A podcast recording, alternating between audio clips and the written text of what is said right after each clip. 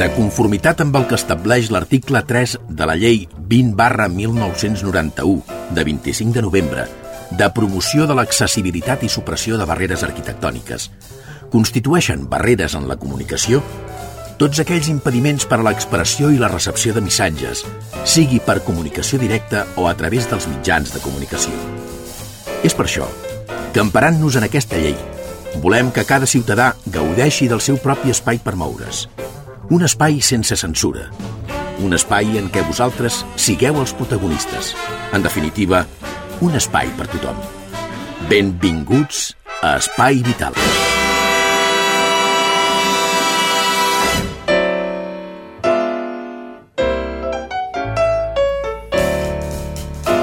Bon dia a tothom. Avui us presento jo el programa, perquè el Xavi està per aquí darrere preparant els fogons. Però Teresa, Teresa.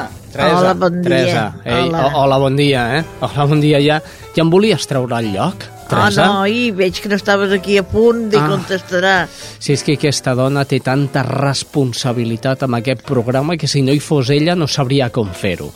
Senyores i senyors, benvinguts. Això és Espai Vital i comencem.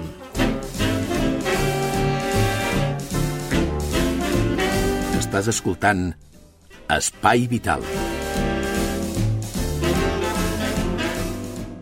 I això, ja, ja, ja, ja heu sentit Ja. a la Teresa Diviu, que és la cuinera adaptada del programa, el Jordi Puy, el control tècnic i un servidor, Xavi Casas.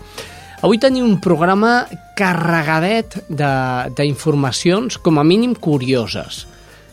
Quina és la millor manera de reciclar uh, aquell menjar que sempre tirem a la bessura? Doncs avui tenim truquets per aprendre a aprofitar aquest menjar. I no llançar, segons diu un estudi, uns 11 milions d'euros que desperdicien a Espanya cada any amb aliments. Molt bé, hem trucat a, a Albal, que és l'empresa aquesta de film, Sí. eh? Film Albal, eh, i hem parlat amb Guiomar Uriarte, que és la cap de comunicació d'Albal a Barcelona. És una entrevista feta en castellà, eh, espero tothom l'entengueu perfectament, però presteu moltíssima atenció perquè mm, s'aporten truquets per eh, no llançar tant menjar a la bessura. Escoltem-la. Guiomar Uriarte, buenos días. Hola, buenos días. Eh, primero de todo, ¿cómo es que se hace un estudio de estas características y si realmente es verdad lo que acabo de decir? El estudio surge eh, a partir de, de la falta de datos eh, fidedignos y fiables que existían al respecto. Había creencias, había mm, sospechas, pero no había realmente datos eh, fiables que, que demostrasen o que arrojasen unas cifras eh, eh, correctas. Y efectivamente y desgraciadamente eh, los datos son correctos. Hemos hecho el estudio en tres países, principalmente Francia, España y Alemania. Eh, hemos encuestado a 1.500 personas y había dos eh, formas de dos metodologías, que uno era con un cuestionario online en el que hacíamos preguntas respecto bueno, a los usos y costumbres de las personas y la otra parte del estudio era un diario de siete días que alrededor de 400 personas han rellenado en el que llevaban un, un diario sobre lo que compraban, consumían y tiraban todos los días. Y esto es lo que ha llegado a las conclusiones que hemos eh, comunicado. Eh, no habéis tenido que mirar las basuras de todas las personas a las que habéis entrevistado, ¿no? No, no, no, nos fiábamos de los datos que nos daban. Ajá, ¿y quién, quién tira más comida a la basura? ¿Qué país? ¿De los tres Pues, países? ¿Quién- La verdad es que los datos son bastante consistentes entre los tres países y los tres estamos entre el 18 y el 20% de, de total de desperdicio de, de comida. Pero 11.000 millones de euros. 11.000 millones de euros. Lo que hemos hecho ha sido cruz- eh, dividir esta cantidad entre la población y, por ejemplo, en España nos da que cada persona al año tira unos 250 euros. 250 de comida que euros. compra y no termina de, de consumir. ¿Y en kilos eh, cuánta comida? En kilos equivale a unos 63 kilos. 63 de comida kilos. Yo creo que yo creo que no he tenido tanta comida en la nevera, eh, de verdad, 63 kilos y, y en un momento lo tiramos, vamos, es, es demasiado. Muy bien, el estudio Safe Food que, que se ha hecho mm, da recomendaciones para que la comida no tiremos tanta comida. Es decir, ¿qué, qué, qué, qué es, qué es lo que nos pasa? Eh, para tirar comida, porque no cogemos nosotros un huevo frito y lo tiramos a la basura, sino que pasan cosas para que nosotros tiremos ese huevo a la basura. ¿Qué es lo que nos pasa? Claro, desde, desde el estudio de Safe Food de Albal lo que hemos visto es que eh, el 50% de todo lo que tiramos podía ser evitable. Y los principales motivos para que tiremos tanta comida es una mala planificación a la hora de hacer la compra. Compramos demasiado, compramos más de lo que necesitamos o de lo que podamos consumir y esto es pues porque no vamos con la lista de la compra y cuando la llevamos muchas veces no la, no la respetamos. Nos dejamos llevar por, por las ofertas o por productos que vemos atractivos en, en las tiendas. Eh, otro de los motivos principales es la mala gestión cuando traemos las, las compras a casa, el mal almacenamiento. Si tú un producto lo guardas directamente en el envase original, eh, lo más probable es que se te acabe estropeando porque no son los embalajes adecuados. Desde Albal la recomendación que damos es que cuando tú traigas las verduras, por ejemplo, pues que las guardes sin lavar y sin cortar y las guardes en unas bolsas específicas. Nosotros tenemos unas bolsas que son bolsas frescor que tienen unos eh, microporos que lo que hacen es que mantienen la humedad y el oxígeno adecuado para las para las verduras. Eh, otra cosa que hacemos mucho es de tirar muchísima comida eh, que cocinamos nosotros en casa. Calculamos fatal las raciones. Y entonces, bueno, pues muchas veces preparas comida para cuatro que acaba siendo comida para diez. Guiomar, es que los españoles somos de buen comer. Efectivamente, somos de buen comer, es lo que utilizamos para socializar. Siempre todas nuestras reuniones suelen ser alrededor de la comida y, el, y yo creo que es el- el- la costumbre de cuanto más mejor.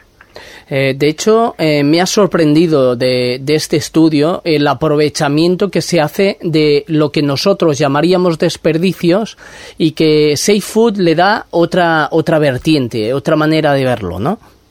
Eso es, nosotros uno de los consejos que damos desde el Safe Food de Albal es cómo aprovechar las sobras. Eh, no considerar que las sobras, por no haberlas consumido en su estado original o en su receta original, se puedan reutilizar. Eh, lo que queremos es también compartir recetas y, y- y formas ingeniosas de, de mm, como darle la vuelta a, los, a las comidas que hemos preparado para que puedan ser reutilizadas y no acaben en el cubo de la basura. Guiomar, danos un ejemplo de, de aprovechamiento de sobras. Pues mira, por ejemplo, cuando hacemos eh, cocido, eh, los garbanzos que nos han sobrado del cocido, que suele ser una de las comidas, yo creo que al final siempre acaba sobrando más, pues si tú al día siguiente los eh, rehogas un poquito con ajo y con cebolla, les pones un poco de salsa de tomate, es un plato nuevo, distinto, con el cual estás aprovechando eh, pues la comida del día anterior sin llegar a aburrirte por comer todos los días lo mismo. Sería, por ejemplo, De cómo, Una posible receta. de cómo aprovechar la comida, las sobras. Eh, sí es verdad que nuestras madres eh, siempre lo habían hecho en tiempo, tiempos atrás, cuando las cosas no estaban tan bien como ahora, y digo también entre comillas. Sí, efectivamente. Claro, es, una- es otra de las costumbres que hemos perdido. Nuestras madres y nuestras abuelas eh, eran genios en la cocina y entonces nunca daban por mala una, una sobra. Al final siempre o la cenabas eh, o la misma que habías comido o al día siguiente se las ingeniaba para inventarse recetas nuevas y todo esto lo hemos perdido. Hoy en día, por ejemplo, la fruta, a la que ya está un poco blanda, la tiramos. Safe Food nos da ideas, ¿no? Claro, eh, desde Safe Food de Alba lo que, lo que hacemos es, bueno, pues a lo mejor una fruta que se te ha estropeado lo puedes convertir en un zumo o en un batido o puedes eh, quitar la parte que esté mala de la fruta y el resto lo puedes utilizar para hacer una macedonia o para hacer una tarta. O sea, es que hay un montón de maneras de, de reutilizar la, verdura, la fruta y la verdura. Se puede hacer un pisto, se puede hacer, o sea, hay un montón de recetas que tenemos que recuperar para poder aprovechar las, la comida que vemos que se nos va estropeando. Este también es- se puede congelar la fruta y la verdura. Mm. O sea, que también es otra opción, que si ves que te has pasado al comprar, porque también otro de los problemas que hay es que, bueno, pues las familias yo creo que cada vez son más pequeñas y las cantidades que te venden en los supermercados no siempre se adecuan al, al consumo que puedas tener eh, en casa. Con lo cual, a lo mejor si ves que te has pasado comprando fruta o verdura, la puedes congelar. Guiomar, eh, señora Uriarte, eh, yo no he congelado en mi vida una fruta. Eh, ¿Cómo hay que hacerlo? Pues lo importante siempre a la hora de congelar es utilizar los productos adecuados, que son las bolsas de congelación, por ejemplo, que tienen una estructura especial eh, que lo que hace es evitar que se forme escarcha en los alimentos. Y sobre todo, importantísimo, es extraer al máximo el aire de las de la bolsa o el contenedor o el recipiente donde lo vayas a congelar. El aire es lo que más estropea los alimentos. Ajá. Eh, en el caso de, por ejemplo, un ejemplo, ¿eh? un ejemplo. Una pera. ¿Cómo congelas una pera? Es decir, el contenido de agua, eh, ¿la pones en el congelador en la bolsa y la congelas o, o hay que hacer pasos y cosas? Pues una pera, por ejemplo, la puedes congelar en, cortada en trozos para que luego a la hora de utilizarla, si la quieres utilizar en alguna receta o en algún zumo, pues la puedas eh, utilizar. Sería cortándola. Ajá. Cortándola y congelándola. Y ya está. Es, Y- cortándola. Eso, la metes en una bolsa de, de congelación, quitas bien el aire y la congelas. ¿Realmente está buena después cuando se descongela o no? Yo es que no lo he probado nunca, pero... Está buena, yo creo que sobre todo para utilizarla con alguna receta. O sea, mm, yo la verdad es que la pera descongelada personalmente no la he probado. No- no- pro- pro- probablemente no tenga la misma frescura, obviamente, que una pera que una pera fresca. Pero a la, antes de, de- de tirarla, pues siempre es mejor buscar alguna alternativa. Y pues alguna alternativa es utilizarla en alguna receta, una, en una compota, con alguna tarta, en un batido. Ujú. Este Otra estudio... receta muy buena es eh, congelar, por ejemplo, eh, eh, grosellas o fresas. Ajá. Luego con eso se hacen unos sorbetes buenísimos Bueno, con bueno. las frutas congeladas. Habrá que empezar a probarlo, porque yo la verdad es que tiro mucha fruta y mucha verdura, eh, que a lo mejor así, con el sistema congelación, eh, podríamos ahorrarnos un dinerito y ahorrar un poquito de materia prima a este mundo que tampoco no vamos tan sobrados. ¿eh? No, no, efectivamente. Pero también antes de llegar a congelarla, también lo importante es conservarla bien.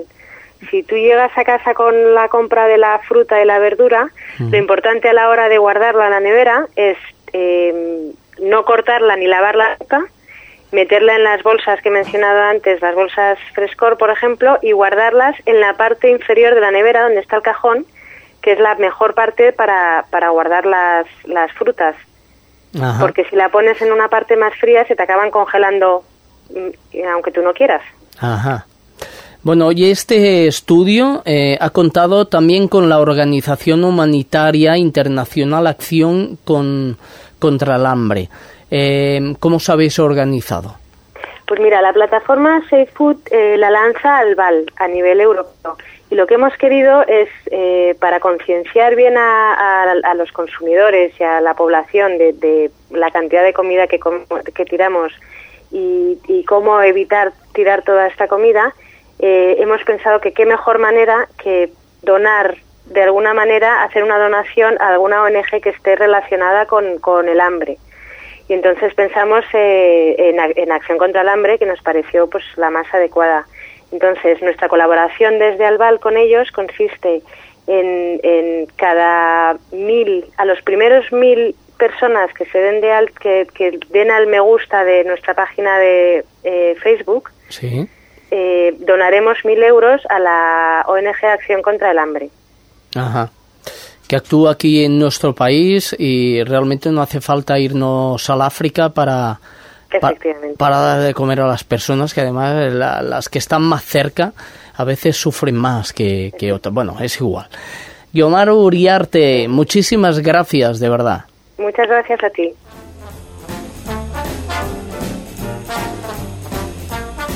Això és Espai Vital. I que ja heu sentit que les sobres no són sobres, és No, el menjar del dia després, eh? Com li deia, com parlava amb la Uriarte, eh? eh el menjar que tiraries avui és el menjar de demà. Això ho feien les jaies d'abans. D'abans, d'abans. I, I que penso que hem de tornar un altre cop a aquest sistema. Mira per- que de- la meva mare a vegades bullia fulles d'enciam, d'aquelles fulles d'enciam, aquell suc, i Sí. feia arròs bullit. Imagineu-vos. Perquè diu que així feia diurètic allò que, que m'anava bé per la panxa. Qui diu que no recicla la Teresa? Mm, M'està explicant moltes coses aquí. Ui, si te n'expliqué. que jo em sembla que són massa i tot, eh? Són massa reciclar, massa reciclar. No sé si per tu és gaire bo això, eh? Teresa? De què de reciclar? Jo ja no reciclo. És de casa. Molt bé, anem a, a, a una entrevista que ens ha enviat l'Estrella Núñez, eh, que ha parlat amb el president de l'associació Aspiral, i així la coneixem una miqueta més. Eh? Ja, ja n'hem parlat algun cop, però aquesta entrevista marca més el que és l'associació. Li fa el president d'Aspiral, David Vargas. Escoltem-la. A Santa Perpètua contem amb una entitat, eh, una entitat eh, doncs, eh, relacionada amb tot aquest món dels que sempre tractem a l'Espai Vital. Parlem d'Espiral Catalunya, que la tenim afincada a Santa Perpètua, i avui volem parlar amb el seu president perquè ens expliqui les coses que s'estan fent des d'Espiral Catalunya. El president és David Vargas, hola. Hola, buenos días. Uh, David, uh, la darrera activitat que heu muntat ha sigut una videoconferència que m'agradaria que ens expliquessis en què consisteix. Bueno, pues la videoconferencia consiste en, en bueno, en, en tener un, un espacio donde nos reunimos los padres y estamos asesorados por un psicólogo que viene desde, nos envía al Centro CIEL, que es un centro de investigación y de lenguaje que está ubicado en, Barcelona y lo que hacemos a través de esta videoconferencia es que nos ponemos en contacto con el centro Sullivan que está en Perú y esta videoconferencia está pagada por, por unos laboratorio- laboratorios estadounidenses, lo digo bien. Bueno, entonces la videoconferencia trata sobre, trataba sobre los temas de autismo y también tocaban un poquito el TDAH, ¿vale? Y se trataba especialmente específicamente de las conductas berrinche de los niños, de cómo tratar una conducta berrinche, de cómo lograr que nuestros hijos sean más independientes de lo que nosotros queremos y sobre todo de cómo, cómo ver la, capacidad que tienen otras, otras ciudades, como es el caso, salieron hablando en Argentina, como estaban tocando el tema del autismo de, de distinto enfoque que lo estamos tratando nosotros. Esto es, es como iba la, la videoconferencia. Entonces, eh, habían otros países también como Estados Unidos que estaban tratando más el tema del autismo con, con conducta verbal, o sea, tra- tratándolo más con terapias eh, llamadas análisis aplicado de la conducta, que es ABA. Y se notaba la, eh, la diferencia y que los niños estaban empezando a evolucionar y estaban evolucionando bastante bien. Eh, en Espiral cada mes va a hacer una videoconferencia en, en el Centro Cívico Gilberto García y están invitados todas las personas que tengan un hijo con discapacidad o con TDA que quieran asistir a estas videoconferencias. O sigui que cada mes hi ha la possibilitat de veure què és el que s'està fent amb d'altres països amb aquest tipus de, de malalties. Sí, sí, sí, eh, no hay ningún tipo de problema. Nosotros tenemos, eh, lo tenemos todo preparado, tenemos las salas y lo tenemos todo y aparte eh, tenemos la gran suerte de que tenemos un psicólogo que nos va dando las pautas y cualquier momento, en cualquier momento, cualquier padre que tenga alguna duda, se- alguna duda se la puede preguntar a, a nuestro psicólogo que él les atenderá muy gustosamente. Aquesta és una de les, eh, de les activitats que ofereix Espiral Catalunya, però també hi han altres activitats que, que s'ofereixen des de la vostra entitat, com és, recordem la primera vegada que vam parlar amb vosaltres, tot el tema de musicoteràpia, oi? Sí, sí, el tema de musicoterapia lo seguimos haciendo los viernes por la tarde también en el Centro Cívico Gilberto García. Y bueno, en, en perspectivas tenemos muchas actividades que queremos montar, pero también tenemos que tener subvenciones. Eh, ahora hemos pedido un par de, de subvenciones en un par de proyectos y esperemos que, que en cuanto tengamos estas subvenciones pues podamos empezar a tirar para adelante más, más proyectos de los cuales queremos hacer. Pero bueno, en principio solamente estamos tratando el tema de, de la musicoterapia, luego los sábados hacemos también el Spy and Support Familiar, es un sábado al mes y aprovechamos para hacer videoconferencias. Y si no hay una videoconferencia pues hacemos un tema a tratar conjuntamente con las familias, se les pregunta y se hace un tema a tratar. Realment sempre des del primer dia que us veu presentar en societat eh, aquí a Santa Perpètua, realment heu anat avançant i cada vegada oferiu més possibilitats a totes aquelles famílies de Santa Perpètua i de, i de les rodalies que tenen algun eh, dels seus membres, sobretot eh, els infants, amb autisme o trastorns del desenvolupament, no? Sí, sí, bueno, nosotros estamos trabajando bastante, bastante bien, estamos muy contentos por la labor que estamos haciendo, sobre, sobre todo en el tema del autismo y en el tema del TDA. Eh, incluso esta semana estamos también en el Facebook y esta semana me llamó una madre de Tarragona, la cual estaba muy angustiada porque tenía un problema con un niño con autismo y bueno, hemos movido, nos hemos movido bastante y hemos conseguido de que una persona cercana a ella en Tarragona se ponga en contacto con ella, que está también en el centro en el centro Ciel y Sociedad Espiral para que le dé las pautas y para que le pueda echar una mano a esta madre. O sea que tenemos un, un buen grupo de, de personas colaborando con, con esta entidad en el caso de sensibilización. Doncs David, recordem, si hi ha algú que ens estigui escoltant i que vulgui apropar-se a la vostra entitat, esteu a l'espai d'entitats Gilberto García, a, al barri de la Creueta, a, a Santa Perpètua, oi? Sí, sí, sí. Y bueno, y también si queréis podéis llamar a, a mi teléfono personalmente, que es el 658 73 6661. David Vargas és el president d'Espiral Catalunya. Gràcies per explicar-nos què és el que està duent a terme la entitat a hores d'ara, perquè això és un dia a dia en el que treballeu. Gràcies. Moltes gràcies a vosaltres. Cada 5 segons algú es queda sec al món. Cada minut, un nen. El 75% d'aquesta ceguesa es pot prevenir o curar. La Fundació Ulls del Món lluita contra la ceguesa evitable en territoris sense recursos. Ajuda'ns a fer arribar a més ulls el a la visió. Ulls del.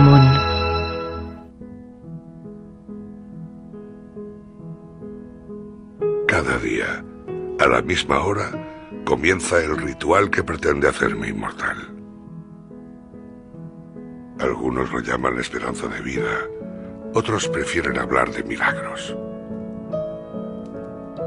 Yo creo que todo eso son cuentos y que solo cuestión de suerte. Para mí la vida se resume en un montón de colores. La verde para el azúcar. La azul para la tensión, que la tengo por las nubes. La amarilla... ¿La amarilla para qué era? La del hierro. Pues sabe azufre. Y la blanca. Esta es la más importante, la que tomo para ayudar a los que no tienen pastillas para curarse. Yo le digo a mi nieto que lo que me está curando es esta pastillita y él me mira como si estuviera loco y me dice imposible. Pero eso es lo bueno de tener años, que uno puede creer ya en lo que le dé la gana.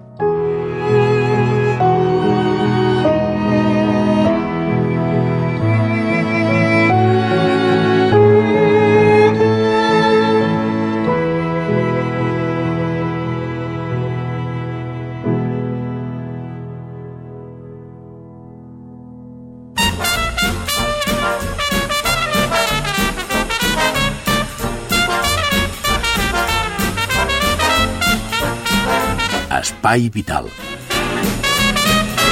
I des de Ripollet, Cerdanyola, Montcada, Barberà, eh, Santa Perpètua i Sabadell.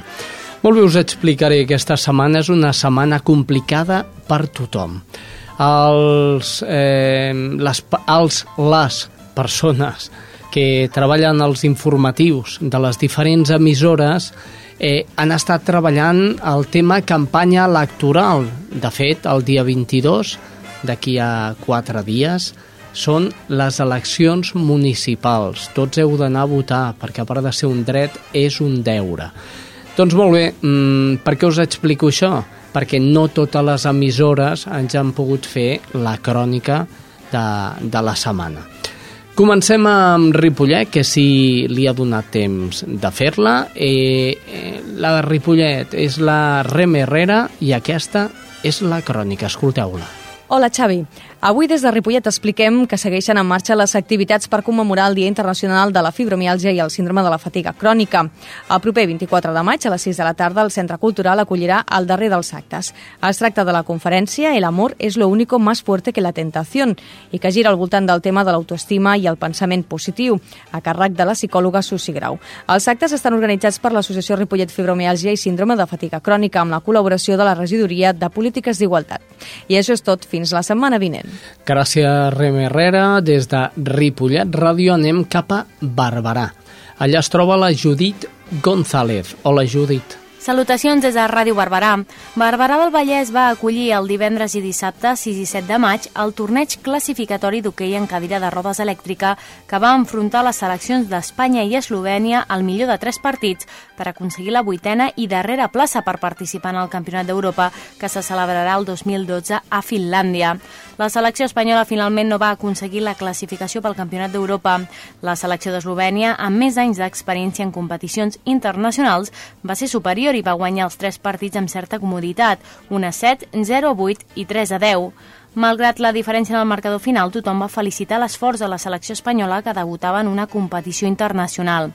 Representants de les federacions internacional espanyola i catalana van estar presents durant el torneig per recolzar els esportistes en una competició que va posar de rellevància la importància que Barberà del Vallès li atorga a l'esport en general i a l'esport adaptat en particular. Fins la setmana vinent. Gràcies, Judit González, i d'un punt ens en anem amb un altre. Eh? Anem a Montcada, anem a Montcada. Eh, pujo? Puja, va, puja. Eh, va, doncs pujo i escoltem ja la crònica de Sílvia Díaz. Hola, salutacions des de Montcada, l'Espai Vital. L'atenció sociosanitària ha agafat pes en els últims anys arran la demanda de serveis d'aquest tipus reclamats per la ciutadania, sobretot amb motiu del desplegament de la llei de serveis socials i la de la dependència, que no només obliguen les administracions públiques a donar resposta a les necessitats de la població, sinó que també impliquen la recerca de professionals en aquest àmbit. Per tot plegat, l'Institut La Ferreria de Montcada i Reixac posarà en marxa el curs vinent un nou grau mitjà d'atenció sociosanitària, una formació que, entre d'altres, permetrà als alumnes desenvolupar tasques com els serveis domiciliaris o treballar en residències de gent gran. La preinscripció per a aquestes classes finalitza el 20 de maig. El centre va obrir portes el dia 13 per mostrar en què consistirà tant aquest curs com la resta de graus mitjans i superiors que ofereix. L'Institut s'està especialitzant cada vegada més en formació en matèria sanitària, ja que des de fa uns anys també imparteix un altre grau mitjà d'auxiliar d'infermeria i altres tres de nivell superior, com pròtesi dental, higiene bucodental i documentació sanitària. La preinscripció aquests tres últims cursos s'anirà del 23 de maig al 3 de juny. Això és tot, fins la setmana vinent. Gràcies, Sílvia Díaz, Montcada Ràdio, i d'allà, per últim ja, anem a Sabadell, allà es troba la Karen Madrid. Salutacions des de Sabadell. Les iniciatives solidàries no s'aturen a la ciutat. Una trentena d'alumnes del curs d'hostaleria del Vapor Llong han celebrat un sopar per recaptar fons per l'Associació Vallès Amics de la Neurologia a l'Avant. Els estudiants han posat en pràctica tot el que han après en els últims mesos, tant en hostaleria com en cuina i pastisseria, per fer aquest sopar obert al conjunt de la ciutadania. D'aquesta manera no només s'uneixen esforços per una causa solidària, sinó que també aprenen com poden ser de gratificants els valors socials. És el primer cop que es fa aquesta iniciativa, però els professors del Vapor Llong ja tenen la intenció d'incloure-la al seu programa per realitzar-la cada any com una pràctica de curs més. És tot des de Sabadell.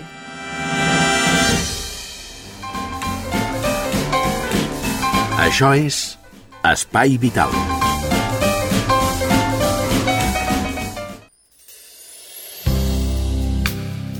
El 86% de los médicos de familia quiere medidas de copago. Así lo pone de manifiesto un estudio realizado por la Sociedad Española de Médicos de Atención Primaria, Semergen, a un total de 1.500 facultativos que trabajan actualmente en centros de salud de toda España.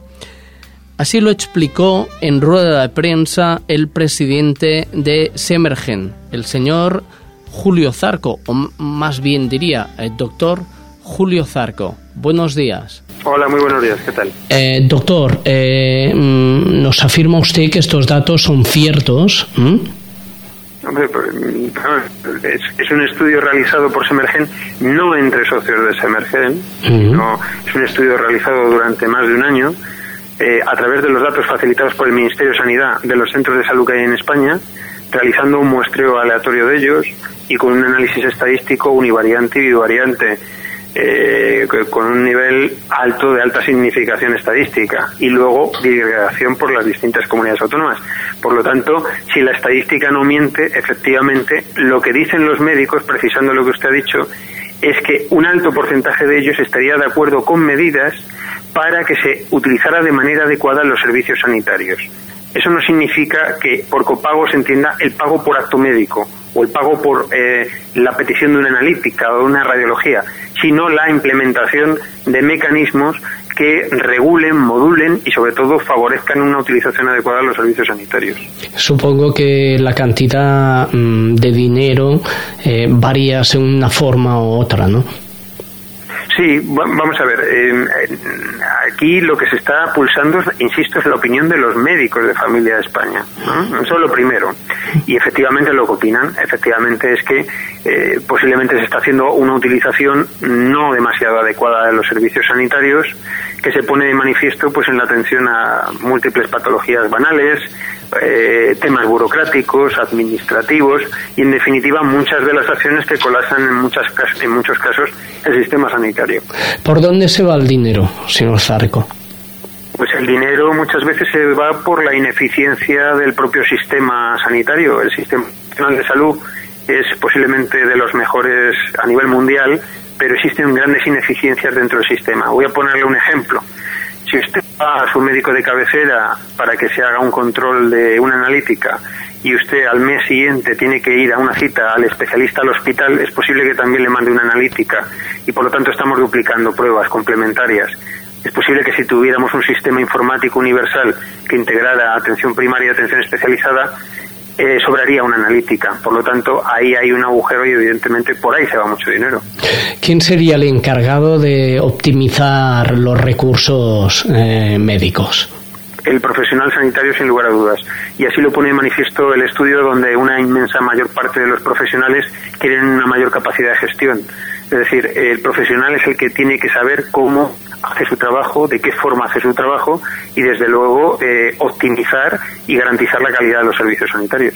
Muy bien. Eh, eh, ¿Cree usted que están obligados a, controlar también la economía dentro de la sanidad pública los doctores?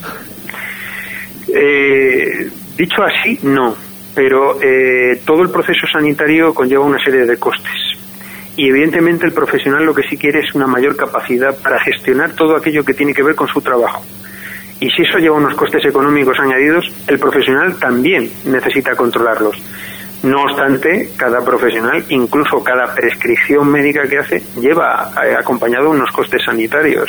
Por lo tanto, lo que sí se ha demostrado en múltiples estudios, también en España y especialmente en Cataluña, donde hay un modelo eh, organizativo que son las EVAs, que son los equipos de base asociativa, que son, eh, digamos, equipos de médicos, eh, consorcios de médicos que trabajan dentro del marco público, pero con una gestión eh, directa de los fondos y de los recursos económicos, es que cuando el profesional lo hace, lo hace y lo hace muy bien y optimiza muy bien los recursos. Suponemos que es básico la enseñanza, ¿no? A nivel, a, nivel, a nivel eh, doctores, y perdone que le hablen palabras muy llanas, pero es para que la gente no se entienda. A nivel doctores, eh, eh, el hecho de el estudio de, de la economía por parte de los doctores también sería básico, ¿no?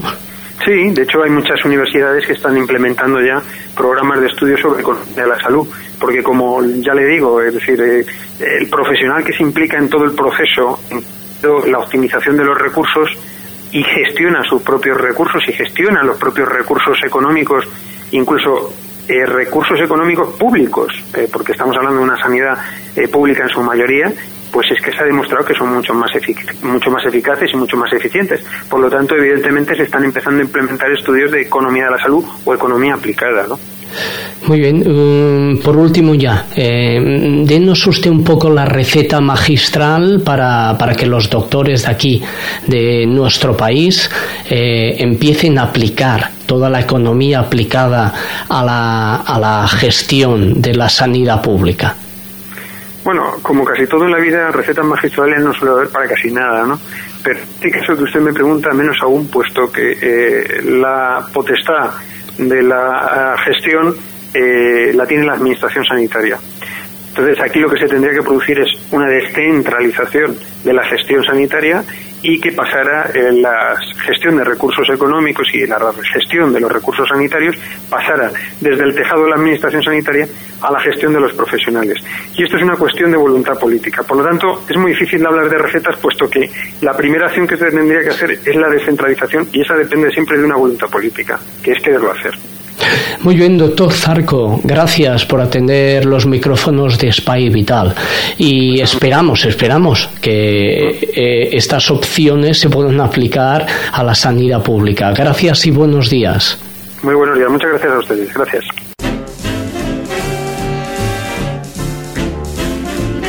Estàs escoltant Espai Vital. Sempre ho dic, des de Cerdanyola, Ripollet, Montcada, Barberà, Santa Perpètua i Sabadell.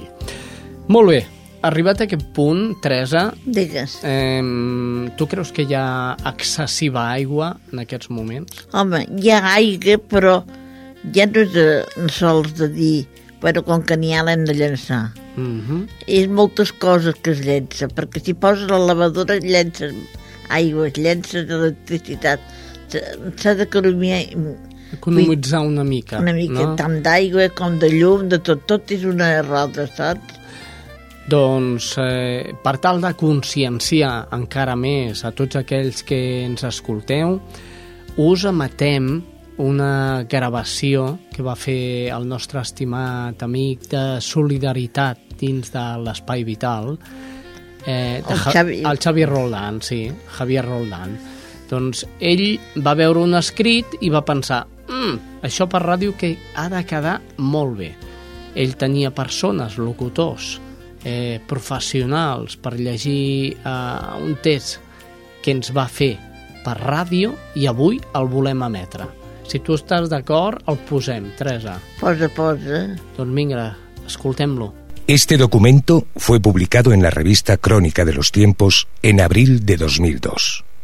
El texto ha sido ligeramente modificado para su adaptación a la radio. Lo que van a escuchar a continuación es una grabación en XPV13 para la cadena interestelar de radio digital Sound HP12 de una ciudadana antes de morir. Es un mensaje para que cualquier generación de humanos nunca olvide y lo pueda seguir transmitiendo.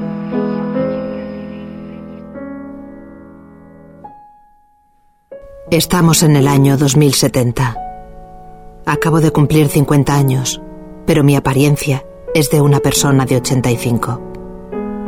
Tengo serios problemas renales porque bebo poca agua. Creo que me resta poco tiempo. Hoy soy una de las personas más viejas de esta sociedad. Antes todo era muy diferente. Había muchos árboles en los parques. Las casas, algunas, tenían bonitos jardines y yo podía disfrutar de un baño o una ducha durante una hora. Ahora usamos toallas humedecidas en aceite mineral para limpiar e hidratar la piel. Antes, todas las mujeres mostraban sus bonitas cabelleras. Ahora debemos raparnos la cabeza para mantenerla limpia por falta de agua. Antes, mi padre lavaba el coche con el agua que salía de una manguera. Hoy, los niños no creen que el agua se utilizaba de esa manera. Recuerdo que había muchos anuncios que decían, cuida el agua, no la malgastes, pero nadie les hacía caso. Pensaban que el agua jamás se terminaría. Ahora, todos los ríos, presas, lagunas y mantos acuíferos están irreversiblemente contaminados o agotados. Inmensos desiertos constituyen el paisaje que nos rodea por todos lados. Las infecciones gastrointestinales, enfermedades de la piel y de las vías urinarias son las principales causas de muerte. La industria está paralizada y el desempleo es dramático. Las fábricas desalinizadoras son la principal fuente de empleo y te pagan con agua potable en lugar de un salario. Los asaltos por un bidón de agua son comunes en las calles desiertas. La comida es 80% sintética. Antes, la cantidad de agua indicada como ideal para beber eran 8 vasos por día para una persona adulta. Hoy solo puedo beber medio vaso. La ropa es descartable, lo que aumenta la cantidad de basura. Hemos vuelto a los pozos ciegos, cámara séptica, como en el siglo pasado, porque las cloacas no se pueden usar por falta de agua. La apariencia de la población es horrorosa. Cuerpos desfallecidos, arrugados por la deshidratación, llenos de llagas en la piel por los rayos ultravioletas que no tienen la capa de ozono que los filtraba en la atmósfera. Por la sequedad de la piel, una joven de 20 años tiene la apariencia de una de 40 años. Los científicos investigan, pero no hay solución posible. No se puede fabricar agua. El oxígeno también está degradado por falta de árboles, lo que ha disminuido el coeficiente intelectual de las nuevas generaciones. Se alteró la morfología de los espermatozoides de muchos individuos. Como consecuencia, hay muchos niños con insuficiencias, mutaciones y deformaciones. El gobierno hasta cobra por el aire que respiramos, 137 metros cúbicos por día por habitante y adulto. La gente que no puede pagar es retirada de las zonas ventiladas, que están dotadas de gigantescos pulmones mecánicos que funcionan con energía solar. No son de buena calidad, pero se puede respirar. La edad media de las personas es de 35 años. En algunos países quedaron manchas de vegetación con su respectivo río, que es fuertemente vigilado por el ejército. Aquí, en cambio, no hay árboles porque casi nunca llueve, y cuando llega a registrarse una precipitación es de lluvia ácida. Las estaciones del año están severamente transformadas por las pruebas atómicas y de las industrias contaminantes del siglo XX se advertía de que había que cuidar el medio ambiente y nadie hizo caso. Cuando mi hija me pide que le hable de cuando era joven, le describo lo bonito que eran los bosques. Le hablo de la lluvia, de las flores, de lo agradable que era darse un baño y poder pescar en los ríos y en las represas, beber todo el agua que quisiese. Y lo saludable que era la gente. Entonces ella me pregunta, Mamá, ¿por qué se acabó el agua? Yo siento un nudo en la garganta. No puedo dejar de sentirme culpable porque pertenezco a la generación que terminó destruyendo el medio ambiente o simplemente no nos tomamos en cuenta tantos avisos y advertencias. Ahora nuestros hijos están pagando un precio muy alto. Sinceramente, creo que la vida en la Tierra ya no será posible dentro de muy poco porque la destrucción del medio ambiente ha llegado a un punto irreversible. ¿Cómo me gustaría volver atrás y hacer que toda la humanidad hubiera comprendido esto? Cuando todavía podíamos hacer algo para salvar nuestro planeta Tierra.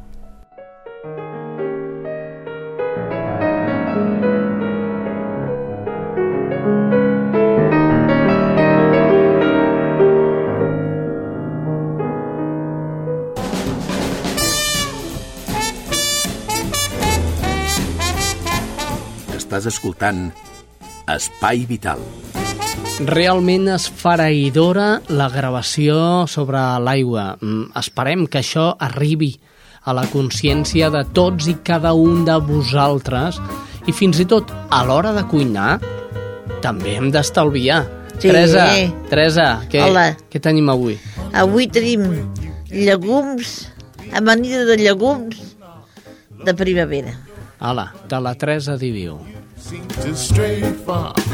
Ingredients. Pues mig quilo de cigrons, Mhm. un quart de llenties, que són 250 grams de llenties, Sí. un ou dur, Mhm. una llauna d'atún, pebrot vermell, també, si voleu una llauna, o si no, compreu al mercat allò un tros.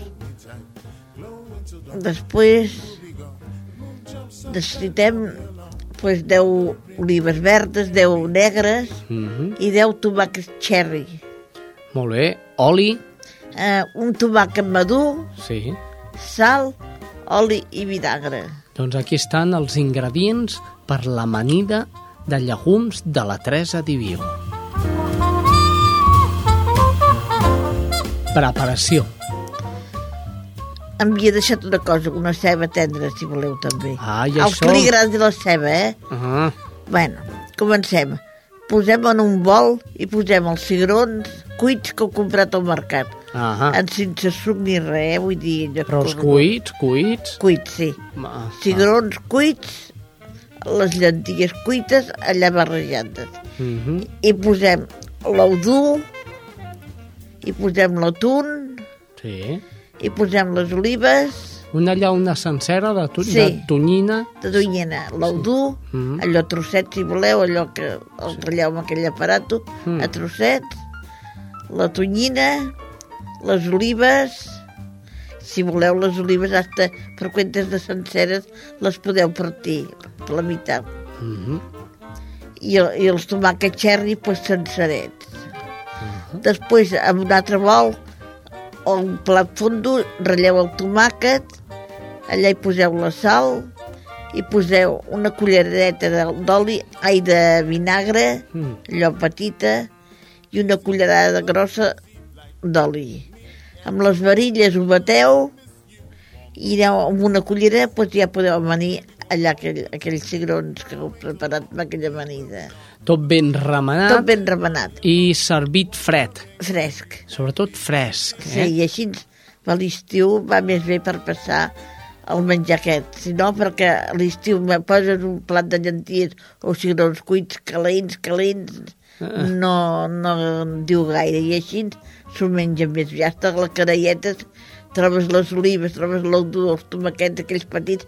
No n'has provat aquest cherry? Sí, i tant. Pues són molt bons i fresquets. I la canalla s'acostumen a menjant cosetes d'aquestes. I per beure, aigua. Aigua, sí. I prou. Res I de vi, res de... No, no, no, no. Licor, res de res. De Res. res. Aigua, aigua i fresca. Eh? Que ara bé comença la calor i aquí Sí, a sí. l'estudi ja comencem a patir aquestes primeres calors que fa que el cos també es canvi. Eh? I tant. Eh, comenci a suar i els malalts crònics ho passen pitjor. Eh, a veure, senyors, Ens hem de cuidar, eh? ens hem de cuidar tots, començant per tu, eh? O jo sí, ja em cuido, ja. Ens hem d'estimar. Sí, senyora. Escolta'm, Teresa, et vull dedicar la cançó final del Ah, és veritat. programa. Quina vols? Posem una sardana avui. Una sardana? Sí, avui tinc ganes de ballar sardana. sardana. Ai, mira que flamenca. Oh, Quina La sardana? setmana que ve ballarem flamenco. Bueno, bueno, quina sardana vols? Pues munt muntanyes regalades. Oh, i mítica, la sardana Muntanya Regalada. I em sembla que en aquest cas és pel Ramon Calduc. Sí. Senyors, fins la setmana vinent. Muntanyes